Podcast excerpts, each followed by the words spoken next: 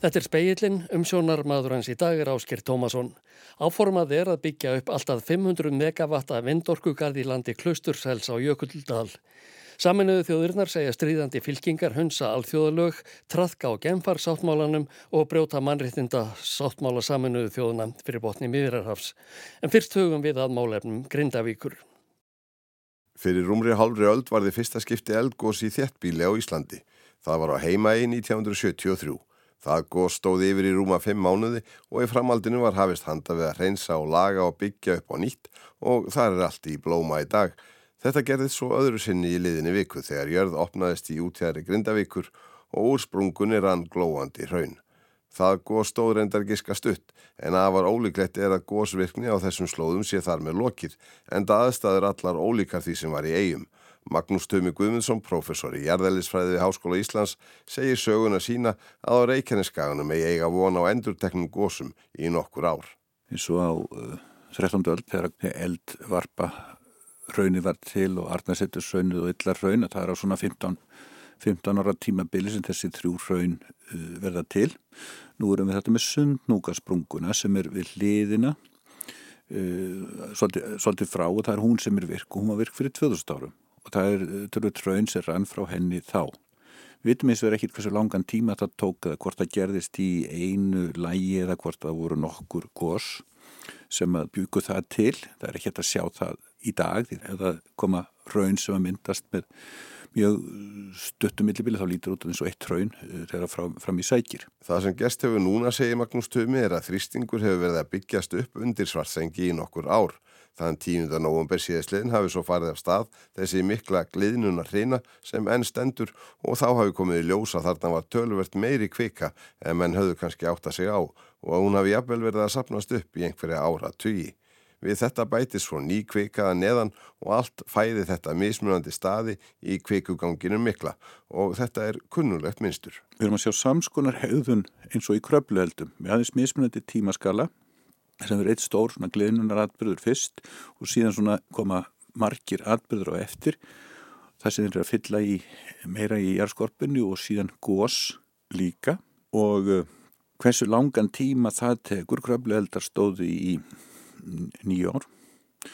Uh, hversu langan tíma tekur þetta á Reykjaneskaðanum uh, þessi, já við þessi við sundnúka jígaröðina það er bara ómulegt að segja en ef að það minnstur heldur áfram sem við erum búin að sjá núna, við erum búin að sjá þrjá atbyrði á teimur og hálfu mánuði.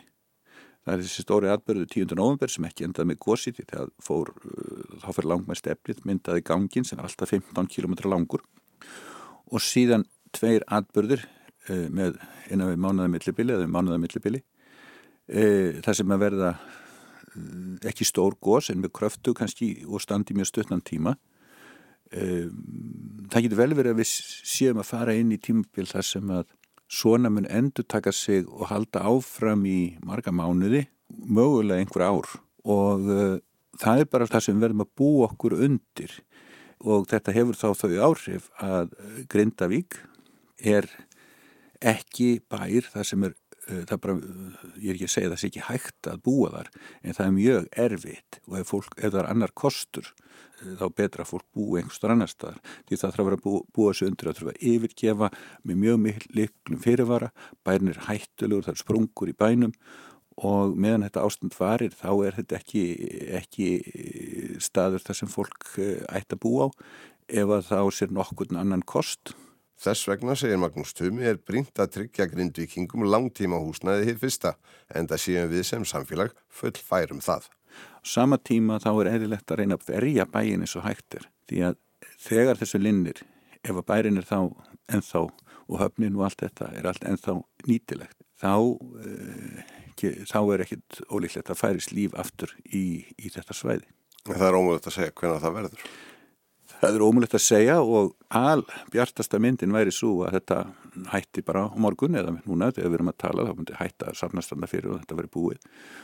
Og þá væru einhverju mánuður en ég verðum að láta líða svolítið tíma áður en færi verið að fara í fólk fara að flytja hann inn aftur og það þarf að gera bæin líka örugan það þarf að, að loka þessum sprungum og það er mjög erfitt að fylla þær því að þá getur myndast e, brýr e, sem eru ótryggar og svo kannski koma skjáltar og þá reynja þær í onni og þá er það mjög hættilegt. Þetta er náttúrulega hörmlöldslið sem varð í Grindavík.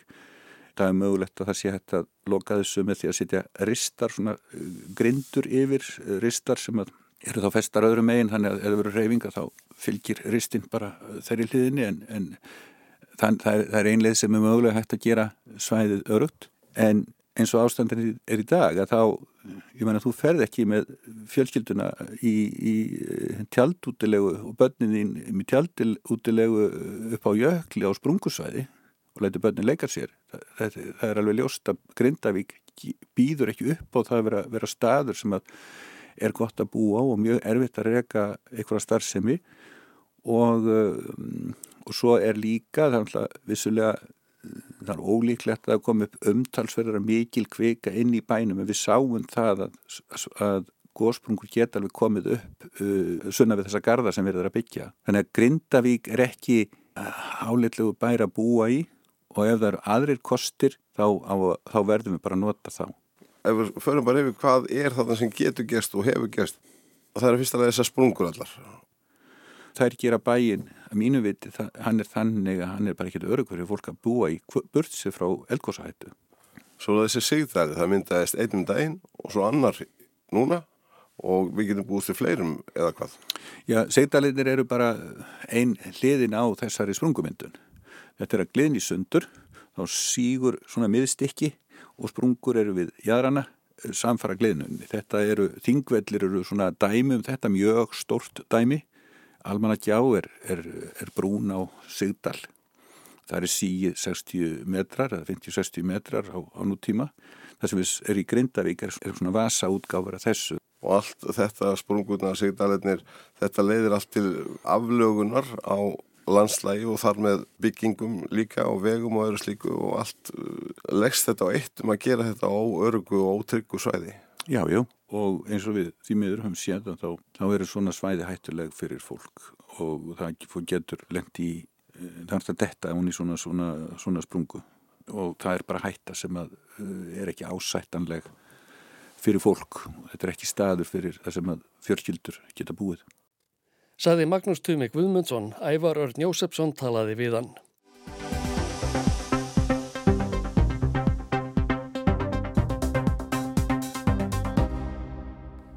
Fyrirtækið Sefir áallar að byggja upp alltaf 500 megavatta vindorkugarði landi Klustursels á Jökuldal í Múlaðfingi.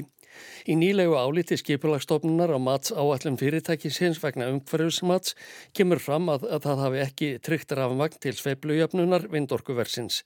Talsmaður landsvirkjunar segir einfallega ekki afl til að sveiblujafna þau vindorkuver sem áformuð séu. Áformin í Klusturseli eru stórtæk. Í áliti skipulagstofnunar kemur fram að þeim svipi til áforma um vindorkugarðar sem fyrirhugaðir séu víða um land, ekkert vindorkuver hefur þó reysið hinga til. Í klausturseli er hins vegar gert ráð fyrir ríflega tvöfalt meiri raforkuframlegslu en í öðrum áallum vindorkugarðum, alltaf 500 megavöttum. Til samanbyrðar framlegir Káranhjúkavirkjun, stærsta vassaflsvirkjun á landinu, 690 megavött. Þegar skipulagsstofnun hefur gefið út álit um matsáallununa tekur við umhverfismat sem fyrirtækið framkvæmir á grunni álitsins. Samhliða fara áformin í gegnum málsmeðferðra máallunar og koma ekki til kasta sveitafélagsins þar sem orku verið á að rýsa fyrir hann að þessu loknu. Þetta hafa samtök orkusveitafélaga gaggrínt. Jónína Brynjólfsdóttir er fórseti sveitastjórnar Múlaþings og situr í stjórn samtaka orkusveitafélaga. Þetta er raun og veru frekar óheftulega fyrir okkar mati og við höfum bent á það að æskilegast væri að sveitafélagum komið fyrr að því að ákveða það hvaða verkefni fara í gegnum rammaállin og hvað ekki.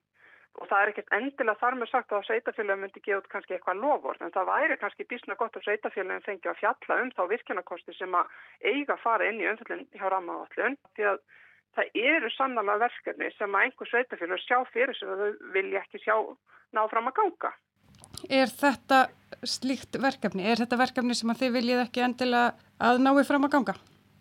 Við hjá hérna, Sveitarstjórn Múlaþings tókum það ákverðin í janúari fyrra að móta okkur ekki stefnu í þessum málum fyrir ríki væri búið að móta sér stefnu í þessum málum. Og það kemur til að því að hluti sveitafélag af, af uh, þeim tekjum sem verða til við, við orku framlegslu kemur sára lítið til sveitafélagana. Þessi atvinnustar sem er skilur sára lítið eftir í sveitafélagunum og í samfélagunum. Og það er eitthvað sem við hefum marg ítrekka bent á og, og hef verið vinna í gangi með og ég hef grunum að ráð þeirra sé að fara að koma með tilögur um breytingu af því. Þannig að þetta verkefni eins og þarna er fjallað um að það er bara álit sveitastjórn að það sé ekki tímabart að fjall um það. Álit skipulagsstofnunar um framkvæmt umhverfismats er bindandi og framkvæmt aðilum er skilt að fylgja því. Í álitinu um matsáallun C4 vegna vindorkugars í landi Klaustursels er gerð grein fyrir fjölda atriðar sem fjalla þarfum í matinu. Þau eru meðal annars byggð á umsögnum sem stofnuninni bárust. Má þar nefna rannsóknir á áhrifum á fugglalíf og reyndirastofnin, mögulega mengun, áhrif á óbyggð výðerni og svo mætti lengi telja. Múla Þing var meðal þeirra sem skilaði inn umsögn. Við höfum náttúrulega svolítið vilja að fá einhverja rýni af það hver áhrifin á samfélagi væri. Svona uppbygging á svona stóru orku veri tryggir okkur hér í sveitafélagi en ekkert endilega það að hér verði lagt fyrir tryggja fasta ramagn eða við fáum niðurfælt e, dreifbíliskellt ramags. Og þannig að þegar við horfum á heildamyndina þetta býr kannski ekki til neitt sérstaklega mörg störfinum og uppbyggingatíma eða hvernig það myndi fara með umhverfi á náttúruna og hvað skilur eftir sér til lengri tíma. Síðan er náttúrulega ekki hægt að horfa fram hjá því að hér hefur verið ferðarþjónusta uh, uppbygging mikil og þetta er nálagt einni helstu ferðarþjónustu eða svona ferðarperlum á Östurlandi stuðlegili þannig að það er alveg eðlert að maður vilji fá einhvers konar greining af því hvað, hvort, þetta, hvort og hvernig þetta gæti leiðið saman. Og síðan er það líka bara spurningin hvort að eins og í raun og veru kemur fram í áliti skipulastofnunar að hvaðan uh, þeir sjáu fyrir sér að fá sveiplujöfnunar uh, ramagn. Það náttúrulega býr ekki til ramagn vindmjölunar og meðan ekki blæs og meðan það er lokn. Þannig að það er áhugavert að fá að vita hvaðan það ramagn eigi að koma. Segir Jónína Brynjólfsdóttir og það er alveg rétt hjá henni. Það væri fráðlegt að vita hvaðan þetta ramagn á að koma. Gunnar Guðni Tómasson, framkvæmdarstjóri Vassapl sjá landsvirkjun, segir í það minnsta útilokað að þaðan verði skaffað sveiplujöfnarafl fyrir 500 megavatta vindorkuver. Við höfum náttúrulega kynnt það svona á síðasta ári að við höfum verið að skoða geta okkar til þess að jafna vindafl og við erum náttúrulega með heilmikið afl uppsett í Vassapli en þær velar erum í raun bara í fullri vinnu í dag við að framlega orku. Þannig að okkar geta til að jafna vind annar aðila er mjög takmörkuð. Vindorkuver eru auðvitað þeim takmörkunum háð að þau framleiða yngungu orku á meðan vindur blæs. Flestir kaupendur af orku þurfa hins vegar að geta reitt sér á stöðugt frambóð, líka í logni. Þess vegna þarf að jafna út sveiblur með afli annar staðar frá. Á þessu gætu þó verið undantekningar. Hluta lausninni til framtíðar hlýtur að verða það að komi notendur sem geti tekið á sér sveiblur og uh, það er kannski við sjáum ekki alveg gegn það en menn horfa mikið til til dæmis ef það verður farið í rafeldsneitisframneslu eins og en nú er að horfa til í öllum heiminum bara að verði hlut af lausnin í orkuskiptum heimsins að þar komi lausnir þar sem að notandin, rafeldsneitisframneðandin geti tekið á sér sveiblur Þannig að hann geti framleitt þegar orkan eitt í staðar en sminkað framleyslu þegar orkan eitt í staðar og svo fráveist. Þannig að það lítur að verða hluta lausninni. Við munum aldrei geta jafnað alla þessa vindorku sem menn eru með áformum að byggja. En liggur það þá ekki hlutarins eðli ef ekki er til afl til að sveipnu jafna vindorku að það verði erfitt að líta til hennar sem einhverja lausnar þegar kemur að orkuskiptum? Vindorka er alveg öruglega hluti af lausninni hjá okkur í orkumálum. En hvernig svo orka er nótuð er svo annar mál og hvað er hægt að jafna mikið af því er annar mál.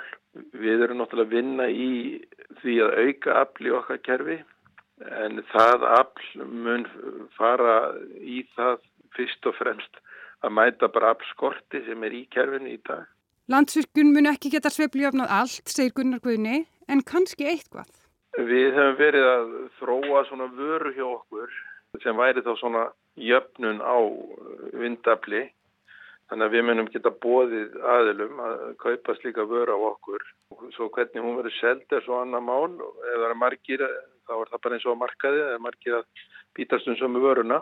Kannski aðaladrið núna að fólk átti sig á að það er, er bara eiginlega ekki til að þessari vöru í eins og staðan er í dag í kerfinu. En þú ert í raunin að segja, óbreyttu, þá er þið ekki að fara að sveiflujafna þennan 500 megavatta, þessa 500 eh, megavatta framkvæmdi? Já, það, það er ekki þannig að við getum það nema mjög takmarkuleitu, alls ekki 500 megavatta, það er alveg útlokað. Saði Gunnar Guðni Tómasson, Ástallín Magnúsdóttir talaði við hann.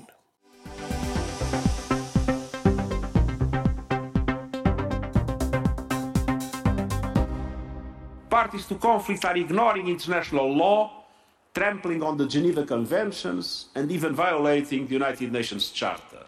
The world is standing by. Stríðandi fylkingar hunsa alþjóðalög, trafka á genfarsáttmálanum og brjótegja fylg gegn sáttmála saminuðu þjóðana. Heimurinn fylgist með. Þetta saði Antonio Guterres aðal framkvæmdastjóri saminuðu þjóðana meðal annars þegar hann fórið yfir ástandið fyrir botni miðjararhafs á ársfundi alþjóða efnahagsráðsins World Economic Forum í Davos í Sviss í gær.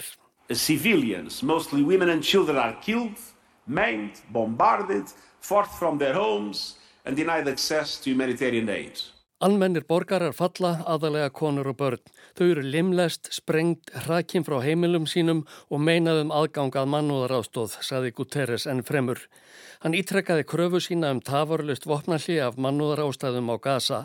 Einnig að greipið yrði til aðgerða sem letu til viðvarandi fríðar millir íbúa Ísraels og Palestínu, aðgerða sem byggðu á tveggjaríkja lausninni. Þetta saðana var í eina leiðin til að draga úr þjáningum og koma í vekk fyrir frekari spennu sem gæti lett til þess að allt fari í bál og brand í heimslutanum. Frá því að stríðbraust út millir Ísraels mann og Hamas eftir árás þeirra síðar nefndu í oktober hefur Antoni Blinken, utanrikis ráð þeirra bandaríkjana, farið fjórum sinnum til ríka í miðausturlöndum og reyndað miðla þar málum. Hann satt fyrir svörum hjá Thomas Friedman, eh, frettamanni hjá New York Times á Davos ársfundinum í gær. Þar tók hann undir með Antonio Guterres og ítrekkaði skoðun sína á þörf fyrir palestinst ríki. Án þess ættu Ísraelsmenn ekki eftir að búa við öryggi.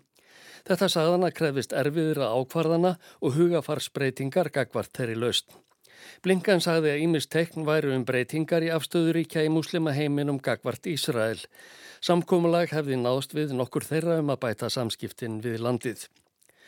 Stjórnvaldi bandaríkjunum hafa öðrum þjóðum fremur staðið við bakið á Ísraelsmönnum frá því að stríðið við Hamas braust út. Ekkert hefur komið fram ofinberlega um að þeim þykji Ísraels herr hafa farið offari á Gaza. Thomas Friedman ákvað því að varpa fram afdráttarlausri spurningu. Does the United States do Jewish lives matter more than Palestinian and Muslim lives, given the incredible asymmetry in casualties? No. Period. Skiptir líf gýðinga bandarækjaman meira máli en líf muslima þegar litið er til hins gífurlega munar á mannfalli hópana, spurði Frídmann. Nei, punktur, svaraði Antoni Blinkan og bætti við. What we're seeing every single day in Gaza is gut-wrenching. The suffering we're seeing among innocent men, women and children breaks my heart. The question is, what is to be done? Það sem við sjáum á hverjum einasta degi á Gaza er átakanlegt. Þjáningarnar sem við sjáum meðal saklausra karla, kvenna og barna nýstir hjarta mitt. Spurningin er hvað á að gera, saði Blinkan. Samkomlag náðust í gærum að flytja liv til Gísla á Gaza, auk neyðarbyrða til almennra borgara. Stjórnvaldi Katar greindu frá þessu og segja samkomlagið hafa náðst með milligöngu þarlendra stjórnvalda og franskra. Livjum verður komið til gísla sem Vígamenn Hamas tóku í árásinni 7. oktober gegn því að lífsnöðsynlegar uh, byrðir verði fluttar til Íbúa Gaza. Í framhaldinu var 25 flutningabílum hleyft yfir landamærin frá Egiptalandi. Þeir voru með fullfermi af matvælum, vatni, livjum og hjúkrunargögnum og öðrum lífsnauðsynum. Einnig var 102 bílum hleyftin á Gaza um Karem Abu Salem landamærastöðina að þér rauði hálfmánin á Gaza greindi frá. Musa Abu Marzouk, helsti samningamæður Hamas, skrifaði á X í dag áður Twitter að samkvæmt samkúmlæginu frá í gær fengju gasabúar þúsund kassa með livjum og hjókrunagögnum gegn hverjum einum sem gíslónum yrðu sendir. Einnig hefði fengist samþygt að Ísraelsmenn mættu ekki skoða í hvern einasta pakka sem sendur yrði til Gaza. Fleira er ekki í speiklinum, tæknimaður var Magnús Þorsteit Magnússon, hægt er að hlusta á speilin í spilararúf og á helstu hlaðvarpsveitum. Góðar stundir.